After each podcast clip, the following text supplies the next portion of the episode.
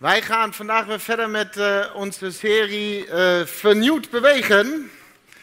En uh, ik heb helemaal geen tijd vandaag voor een samenvatting. Dus de, die worden natuurlijk ook steeds langer, omdat je gewoon elke keer weer een stukje toe moet voegen van de laatste preek. Dus nu moet je echt zelf kijken.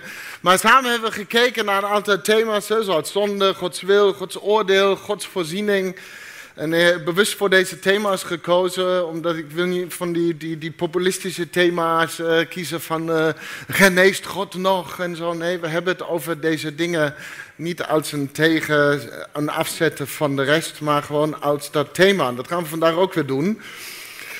maar het begon allemaal, deze serie begon met dat we een nieuw verhaal nodig hebben. En ik kreeg wat opmerkingen. Ehm, uh, dat mensen heel blij zijn met de ontwikkeling of de, de, de, zoektocht. het proces dat ik, dat ik doormaak nu na een nieuw verhaal. Maar volgens mij is het dat niet. Volgens mij leg ik ons even uit in wat voor kerk we zitten met z'n allen. Dit is in de in de, in de basis is dit allemaal onze Wesleyaanse theologie. Dus dit is niet mijn proces, maar als jij dat zo ervaart, is de kans groot dat het jouw proces is. En ik kan me voorstellen dat we misschien uh, ervaren als nieuwe inzichten en misschien worstelen met zelfs, uh, zelfs met sommige dingen worstelen omdat we het nog steeds filteren door een gebroken en gereduceerde verhaal dat we zo lang hebben gehoord en, en geleefd. En Sommigen werden geestelijk met de Bijbel de onderdanigheid ingeknuppeld en dat heeft eh, zijn, sporen achtergelaten die tot op heden nog invloed uitoefenen op je relatie met de Bijbel. En daarom wil ik met jullie het vandaag hebben over Gods Woord. Want daar vinden wij ook wat van als Wesleyanen, van Gods Woord. Een, paar weken geleden gebeurde hier iets grappigs in de dienst. Volgens mij, André, was jij ook de? Uh,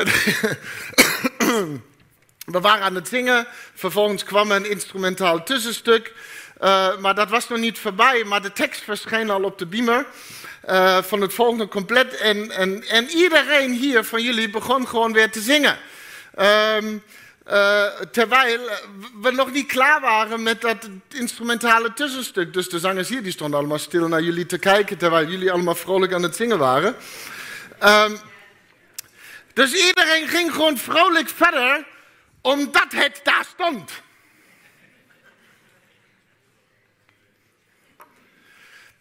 Dan zie je maar hoeveel macht die Bimera heeft. En dan zie je hoe krachtig de letter is. Want het stond er.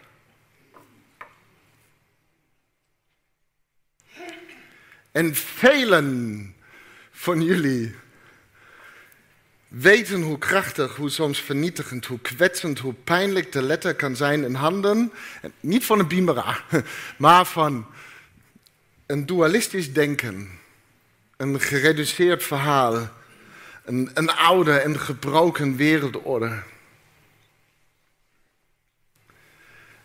En dan lezen we waarschijnlijk niet meer in die Bijbel. Want hoe moeten we dan nog met de Bijbel, met dit verhaal in contact komen, het begrijpen en, en deel laten zijn van ons volgen van Jezus en, en van ons geloof? En ik wil met jullie het, het verhaal, het bekende verhaal van de Emmausgangers lezen. En uh, Jezus was net opgestaan uit de dood. Volgende week is het Papazen, maar we maken daar even een tweeweekse viering van. Um, en, en, en, en, twee van zijn leerlingen waren dus onderweg uh, naar Emmaus en Jezus liep opeens naast hen. En, en laten we dat verhaal even lezen. Lucas 24 vanaf vers 13. Diezelfde dag gingen twee van de leerlingen op weg naar Emmaus, een dorp dat 60 stadie van Jeruzalem verwijderd ligt. Ze spraken met elkaar over alles wat er was voorgevallen. En terwijl ze zo met elkaar in gesprek waren, kwam Jezus zelf naar hen toe en liep met hen mee. Maar hun blik werd verdroebeld, zodat ze hem niet herkenden. En hij vroeg hen, waar lopen jullie toch over te praten? Daarop bleven ze somber gestemd staan. Een van hen, die Cleopas heette, antwoordde: Bent u dan de enige vreemdeling in Jeruzalem die niet weet wat daar deze dagen gebeurd is? En Jezus vroeg hen: Wat dan? En ze antwoorden: Wat er, wat er gebeurd is met Jezus van Nazareth, een, een machtig profeet, een woord en daad in de ogen van God en van het hele volk.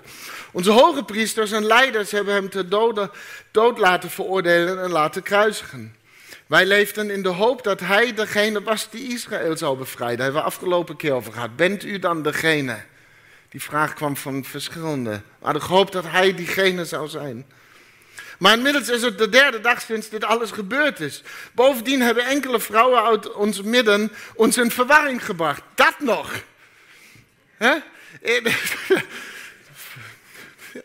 Dat moest nog specifiek benoemd worden.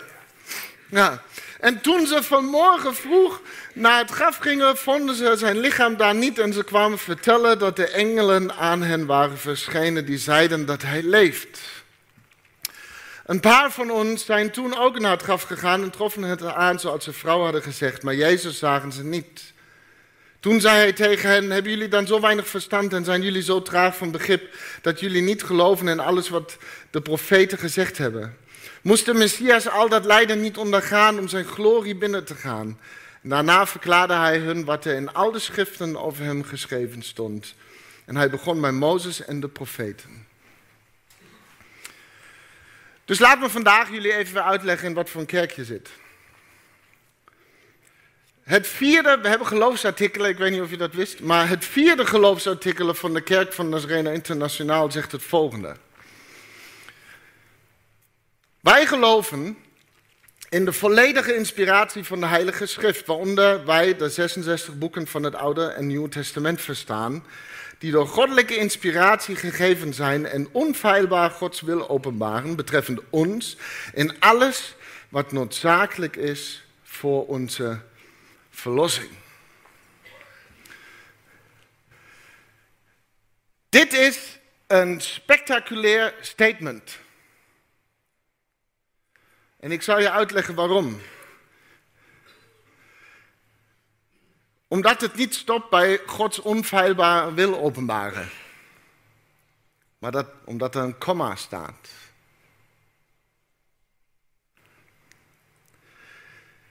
Het spreekt over een gehele inspiratie.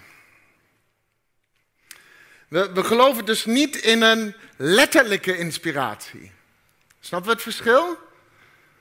Ja, eh, een, een, letterlijke inspiratie zegt als het gaat over het aanleggen van een straat, dan gaat het over, oké, God zei, daar moeten de klinkers komen, de klinkers moeten zo zitten, ze mogen niet hoger dan dat zijn, het moet die kleur zijn, daar moet een bord zijn, daar is de trempel, die trempel mag niet hoger dan dat, je mag niet harder rijden dan dat, want anders word je daarvan afgedonnerd. Dat is wat een letterlijke inspiratie zegt. Een gehele inspiratie zegt, samen met de Mandalorian, this is the way.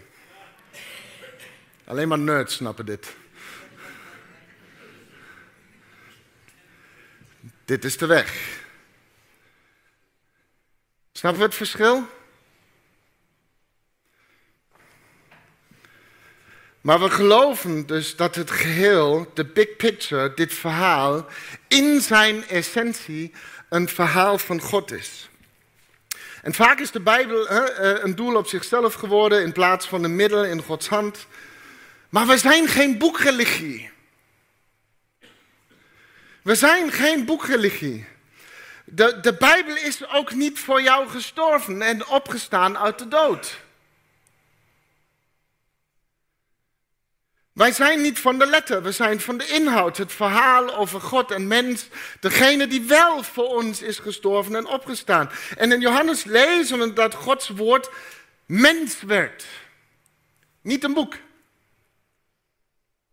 En daarom vind ik het ook moeilijk eigenlijk om over de Bijbel te praten als Gods woord.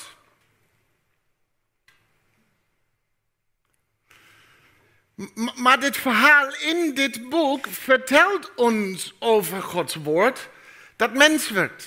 Snap je het verschil? Dus we, zeggen verder in ons, in ons geloofsartikel, en dat, die komen zo mooi, dat de Bijbel onfeilbaar uh, of foutloos Gods wil openbaart wat betreft onze redding. Er, er, zijn talloze discussies over of we iets nu zus of, of zo moeten zien en lezen. Of die klinker nu zo moet zitten, zo. Of je zo hard moet rijden of wat dan ook. En elke kant van deze discussie moet gelijk krijgen. Want hun geloof is onlosmakelijk verbonden met de letter. Maar, maar, maar wij maken dus een onderscheid tussen de vorm en de inhoud. Snap je het? De vorm is de, de geschreven en dus de feilbare of onvolmaakte presentatie van Gods woord. Er zijn soms gewoon te veel tegenstrijdigheden en tegenstellingen die we niet weg kunnen theologiseren. Ja, snappen we dat? dat en sommigen wringen zich echt in enorm theologisch krampachtige bochtjes om dingen uit te leggen, zoals waar, of het nu David was die Goliath doodde, of zoals in Chronieken staat Elganan. Ja, we hebben een probleempje, jongens. En er zijn nog veel ingewikkeldere tegenstrijdigheden dan deze. De vorm klopt niet altijd. En, maar voor sommigen maakt dit dus heel veel uit. Want als dus de letter daar niet klopt, wat klopt er dan nog wel van de rest? Heeft God dan zoveel fouten gemaakt? Is dan misschien het hele verhaal een, een misser? Dus heel erg zwart-wit. Met andere woorden, dualistisch. Het is goed of fout. Maar de inhoud anders dan de vorm. De inhoud is dus Gods volmaakte verhaal van redding. Van het herstellen, herstellen van dit goddelijke vermogen van relatie. Preek 2 in deze serie. Dat zich in de Bijbel ontvouwt. En dat verandert niet vanwege bepaalde vormfouten. En ik ervaar dit verhaal dus als waar. Want wij kennen de waarheid als een persoon. Niet als een boekenkast.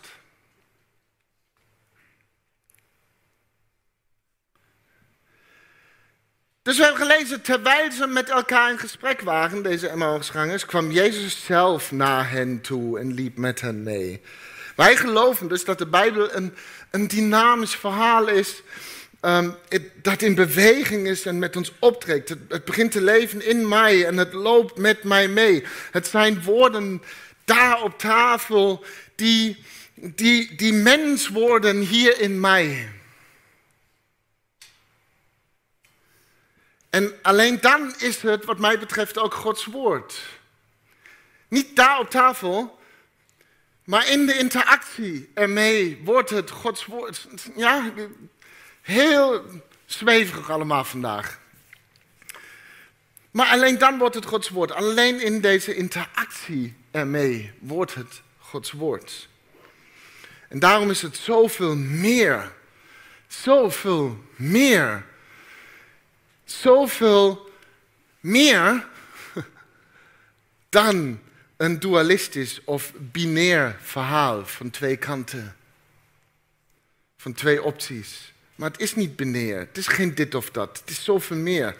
De, de, de verscheidenheid, lieve mensen, in Gods schepping benadrukt alleen maar Gods creativiteit als kunstenaar. En dat er zoveel zit tussen het binaire en het dualistische. In, in, in, in Genesis, in het begin krijgen we al een verhaal dat zo misbruikt is om het binaire soms duidelijk te maken. Krijgen we al verschillende voorbeelden van hoe dat niet is. God maakte dag en nacht lezen we daar bijvoorbeeld. Het klinkt als een binair iets. Dag en nacht. Maar dat is niet alles wat we ervaren in 24 uur, toch?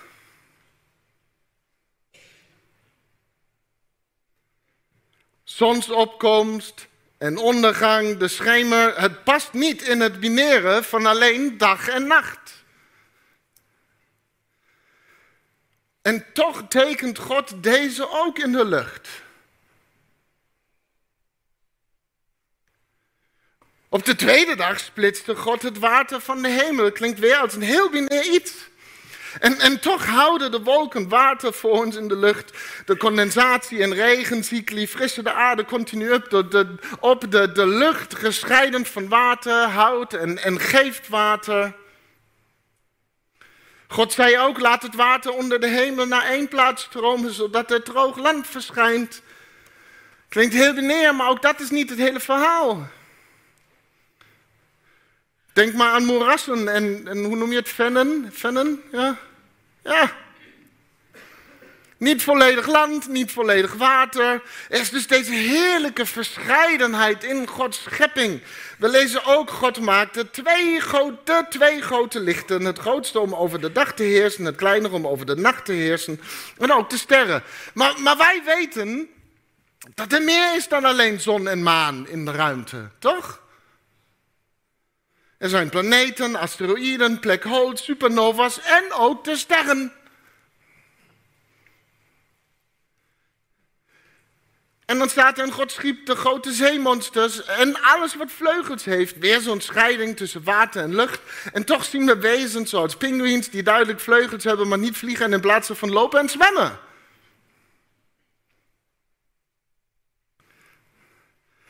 En tenslotte, man en vrouw schiep hij hen.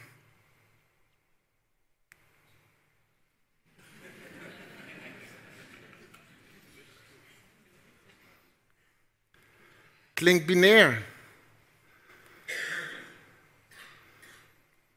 Maar wij leven in tijden waarin we steeds meer tot het inzicht komen dat dit ook niet het hele verhaal is.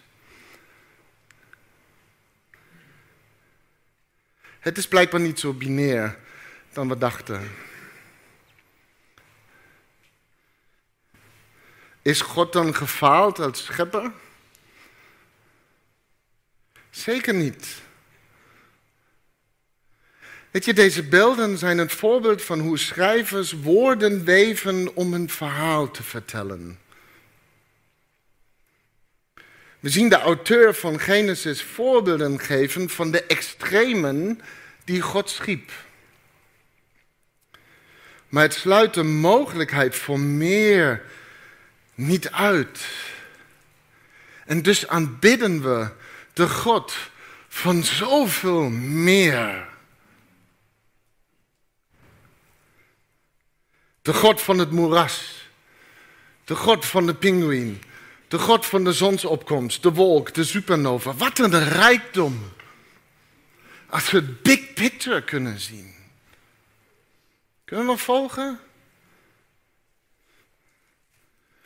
Dus een Wesleyaanse interpretatie van de Bijbel focust op het geheel op herstel van relatie.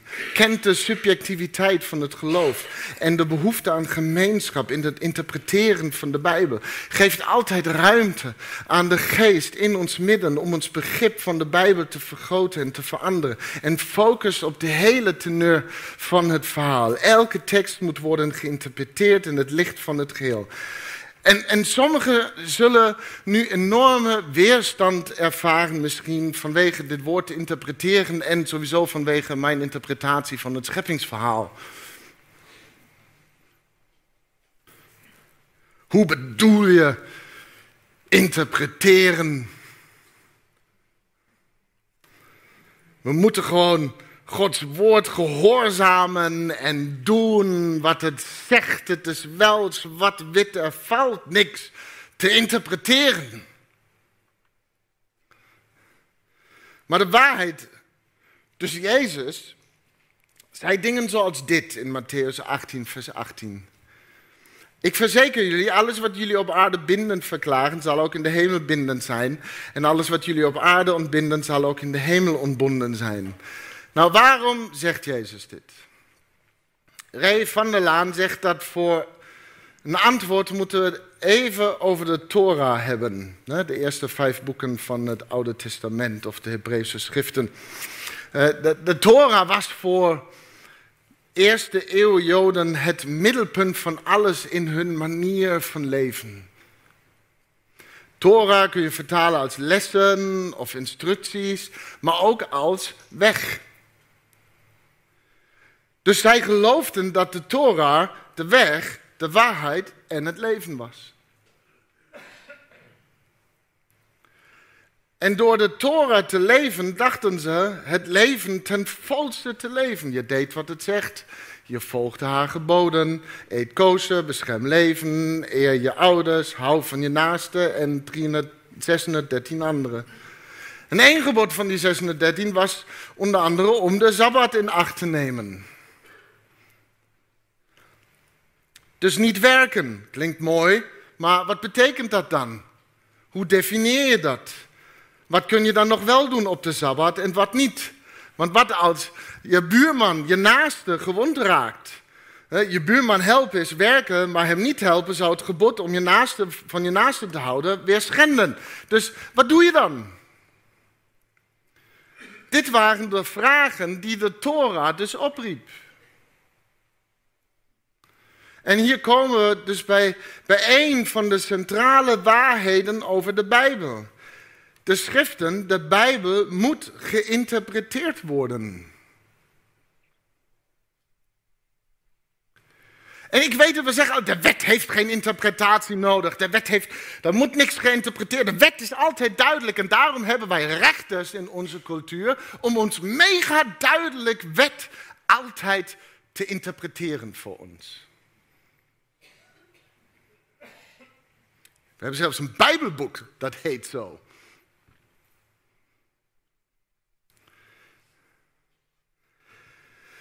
De Bijbel moet geïnterpreteerd worden. Je moet besluiten wat het betekent. Je moet keuzes maken over wat je gaat doen en wat niet. Als iemand zegt dat ze gewoon doen wat de Bijbel zegt, of ze houden zich vooral aan de Bijbel, of ze lezen de Bijbel objectief, dan is dat eerlijk gezegd gewoon niet waar. Want ze hebben interpretaties gemaakt. Ze hebben beslissingen genomen, over wat het betekent. Over hoe het eruit ziet om te doen wat het zegt. Dus op een gegeven moment kwamen religieuze leiders naar voren die mensen hielpen te beslissen hoe het eruit ziet om de Torah na te leven. Dus wat is toegestaan op de Sabbat, wat niet enzovoort. Dus ze beantwoorden al deze praktische en alledaagse vragen over hoe je bepaalde passages in de Torah interpreteert. Later kwamen leiders naar voren die rabbijnen werden genoemd. En rabbijnen hadden soms andere interpretaties die ze benadrukten. Sommige, sommige focusten op de armen, weer andere op persoonlijke vroomheid of op de juiste aanbiddingen, aanbidding. En, en deze specifieke interpretaties en accenten van een rabbijn werden het juk van deze rabbijn genoemd. Dus als je een bepaalde rabbijn volgde, dan nam je zijn juk op je. En wij kennen ook een rabbijn die het over een juk had en zei: Neem mijn juk op je, want mijn juk is zacht en licht.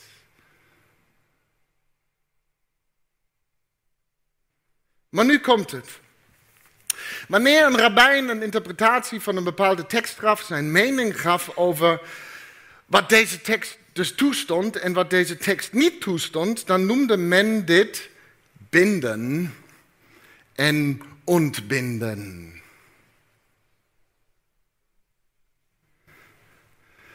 Als iets gebonden werd, dan was het niet toegestaan en als iets ontbonden werd, was het wel toegestaan. Dus wat zegt Jezus hier? Hij zegt uiteindelijk tegen zijn discipelen, die geen elitaire en hoogopgeleide schriftgeleerden waren. Ik geef jullie de leiding. Jullie zullen keuzes moeten maken. Je hebt nu de bevoegdheid om interpretaties te maken, om te beslissen hoe het leven dat ik je heb geleerd eruit ziet. Om, om mensen te helpen begrijpen wat het betekent om mijn volk, mijn lichaam te zijn.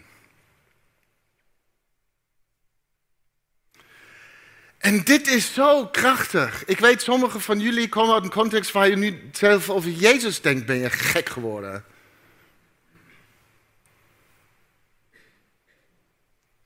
Maar dit is zo krachtig. De meesten hebben hier nog nooit zo over nagedacht, denk ik. Ze zijn opgegroeid in systemen, denominaties, kerken waar iemand het binden en ontbinden voor hen deed. Iemand vertelde hun wat dit of dat vers betekent. Dit is wat God wil, dit is hoe het eruit ziet enzovoort.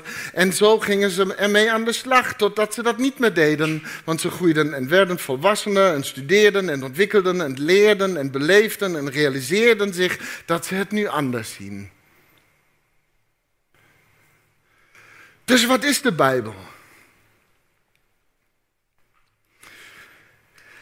Het is een levend woord. Het is constant in beweging. Niet de woorden zelf, maar wat het teweeg brengt in en met ons. This is the way. En een levend woord eist dat je, dat je ermee omgaat. Dat je het uitdaagt, dat je er beslissingen over neemt, dat je luistert en leest en, en dan bespreekt en beslist. Het, het zijn ten diepste woorden in beweging die boven alles interactie vragen. Synergie, samenwerking. Geen gereduceerd verhaal alleen gericht op gehoorzaamheid en eenrichtingsverkeer. Het is dynamisch en beweegt met ons mee. Dus alles is relationeel. Verrassing! Dus God, even een recap, die in zichzelf relatie is tussen vader, zoon en geest, gooide zichzelf helemaal in zijn schepping. Dus wij maakten wij. En het kan dan niet anders dat, dat deze woorden dan ook relationeel gezien moeten worden. Het is als het ware een liefdesbrief, een verbindende factor in de relatie. En daarom benaderen we deze woorden dan ook relationeel. In inhoud, en hier komt het ook in vorm. Ik wil je even laten zien hoe relationeel dit boek is. Kijk even naar dit plaatje. Kun je dat goed zien? Ja. Ziet eruit alsof Finian dit heeft geknutseld. Hij is hoogbraaf, jongens. Weet ik veel. Maar weet je wat dit is? Nee, dit is de Bijbel. Dit is de Bijbel. Zie je het? Onderaan zie je van die balken. Uh, kun je dat? Uh, ja, er is geen cameraman om met me mee te gaan. Dus van die balken onderaan. Daar, daar. Zie je dat? Daar. Zie je die balken onderaan? Die balken, oh ja, nu ga ik omdat jij extra achter die camera bent gaan staan. Dus die balken geven aan de, de verschillende hoofdstukken van de Bijbel. Hoofdstukken. Ja? De, de lengte van de balk is de lengte van het hoofdstuk of het aantal versen in dat hoofdstuk. En de verschillende kleurtjes is altijd een ander Bijbelboek. Ja, snappen we hem? Oké, vervolgens heb je van die boogjes. Die boogjes boven de balken, zie je dat? Ja, het is uh, niet uh, high resolution is hier. Hm. Maar goed, je hebt van die, van die boogjes. En die gekleurde balkjes, dat zijn allemaal verwijzingen. als je je Bijbel leest, staan er altijd van die Bijbeltekstjes links en rechts overal na, waar een verwijzing naar hier en daar en weet ik in voor wat. In totaal zijn het er bijna 64.000. Dus wat jij hier ziet, zijn 64.000 boogjes. Ik heb echt 4 euro betaald voor een high resolution versie van dit ding. 64.000 boogjes. En de kleur van de boog geeft de afstand aan tussen de verwijzing. Snap je hem? En daardoor ontstaat deze mooie regenboog. Prachtig. Dus dit hele verhaal is één en al relationeel. En daarom bepaalt ook nooit één versje de toon van Gods woord. Maar informeert het geheel altijd dit ene versje. Versnappen we dat? Het hele verhaal is een liefdesbrief van God. Van begin tot eind is het een verhaal van God die er zo naar verlangt om alles dat in Hem, voor Hem en door Hem leeft te verenigen in Zijn wil. En Zijn wil is wat? Dus liefde voor hem, de ander en onszelf door de hemel op aarde uit te laten breken. En dit web van verbondenheid, deze verwevenheid van liefde, dit, dit teken van relatie, eenheid en verbinding wijst allemaal naar één iets. En hier komt het. Dus Jezus spreekt met deze twee Emmausgangers en verwijt hen op een gegeven moment enige traagheid. Maar dan gaat hij verder en geeft hun. Jullie dachten altijd, nee, die studies van Ed, maar nee, hier. Maar dan gaat hij verder en geeft hun dus volgens mij wat de Bijbelstudie alle Bijbelstudies was. Daarna verklaarde hij hun wat er in al, in al de schriften. Dus volgens mij hebben ze echt een ommetje gemaakt naar Emmers. In, in al de schriften geschreven stond over hem. En hij begon in de Torah en de profeten.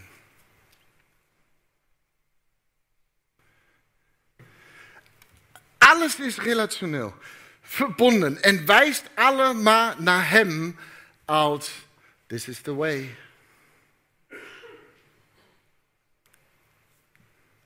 Jezus confronteerde de schriftgeleerden op een gegeven moment met een gereduceerd en gebroken verhaal, dit dualistische denken. En hij zei tegen hen, uh, u bestudeert de schriften en u denkt daardoor eeuwig leven te hebben. Wel nu de schriften getuigen over mij. Nou, maar maar bij mij wilt u niet komen om leven te ontvangen. Het, het wijst allemaal naar hem. De, de levenloze letter, letter, van een gereduceerd en gebroken verhaal kweekt pretentie en schijnheiligheid en elitair gedrag. Maar uiteindelijk is Jezus het mens geworden, leven, de woord van God. De waarheid is gecentreerd in Hem als een persoon, in Jezus. Die Jezus die zei dat Hij de weg, de waarheid en het leven is. Zo kan de waarheid dus nooit verstarren tot letters en een boek. En misschien lees je niet meer. Maar ik nodig je uit om de interactie weer aan te gaan. En in die interactie met deze woorden krijgt Jezus, de, weg, de waarheid en het leven, steeds meer gestalte in ons leven. Meer body, meer lichaam van Christus. We worden als het ware zelf leesbare brieven. Paulus schrijft in 2 Korintiërs, u bent zelf onder aan onze aanbevelingsbrief in ons hart geschreven, maar voor iedereen te zien en te lezen. U bent zelf een brief van Christus. Door ons opgesteld. Niet met inkt geschreven, maar met de geest van de levende God die niet in stenen platen gegrift, maar in mensenharten. De Bijbel, een liefdesbrief, een middel in Gods hand om ons te wijzen op Jezus, om ons te wijzen op ons zijn als Jezus in deze wereld. Een brief leesbaar voor iedereen door de geest om ons een kijkje te geven in en deel te maken van de hoop van het Koninkrijk van God.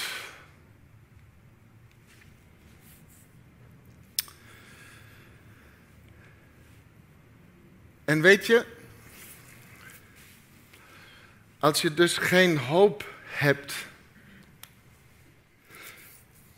dan heb je misschien niet zijn liefdesbrief voor jou en, en aan jou gelezen.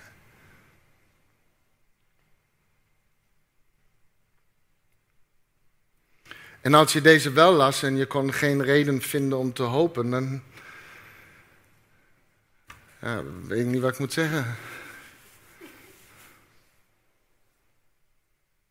Maar dan heb je misschien iets anders nodig. Maar er zijn niet zoveel opties. Er is niet nog een ander boek.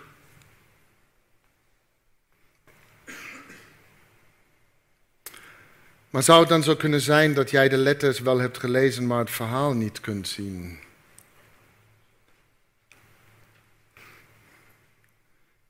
Misschien omdat er ooit een gebroken en gereduceerd systeem je een te zwaar juk heeft aangepraat en je eigenlijk geen zin meer hebt om het nog een keer te beleven.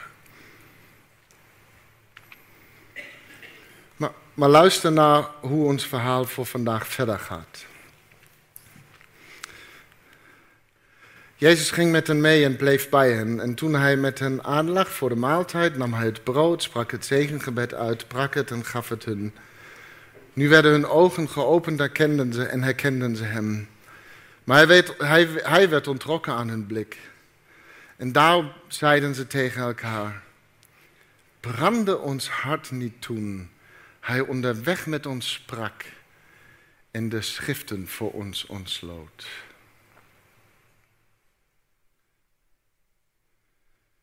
Hoe vaak hoor je dat als je de Bijbel leest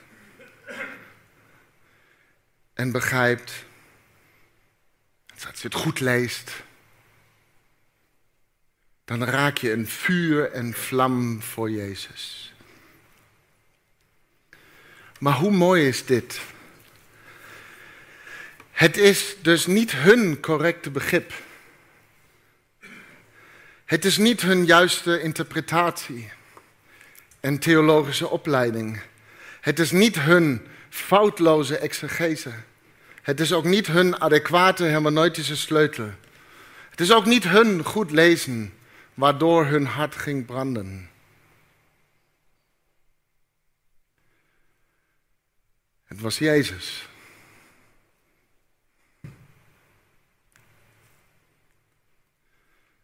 Want Hij is de enige, dus die deze woorden in de, in de actie een leven kan geven dat iets los gaat maken in jou. Vuur en vlam. Dus misschien voelden de woorden die je vaak hoorde veroordelend, pijnlijk en kil. Maar ik nodig, nodig dan dus, ik, ik nodig jullie uit om de geest uit te nodigen, om je te helpen het te vernieuwen, te veranderen en, en, en hoopvol te zien. Want dit is wat wij Wesleyanen doen. In zo'n kerk zit jij. Door de geest elke keer weer een nieuw verhaal. En zo houden het woord levend en het hart brandend. Amen. Amen.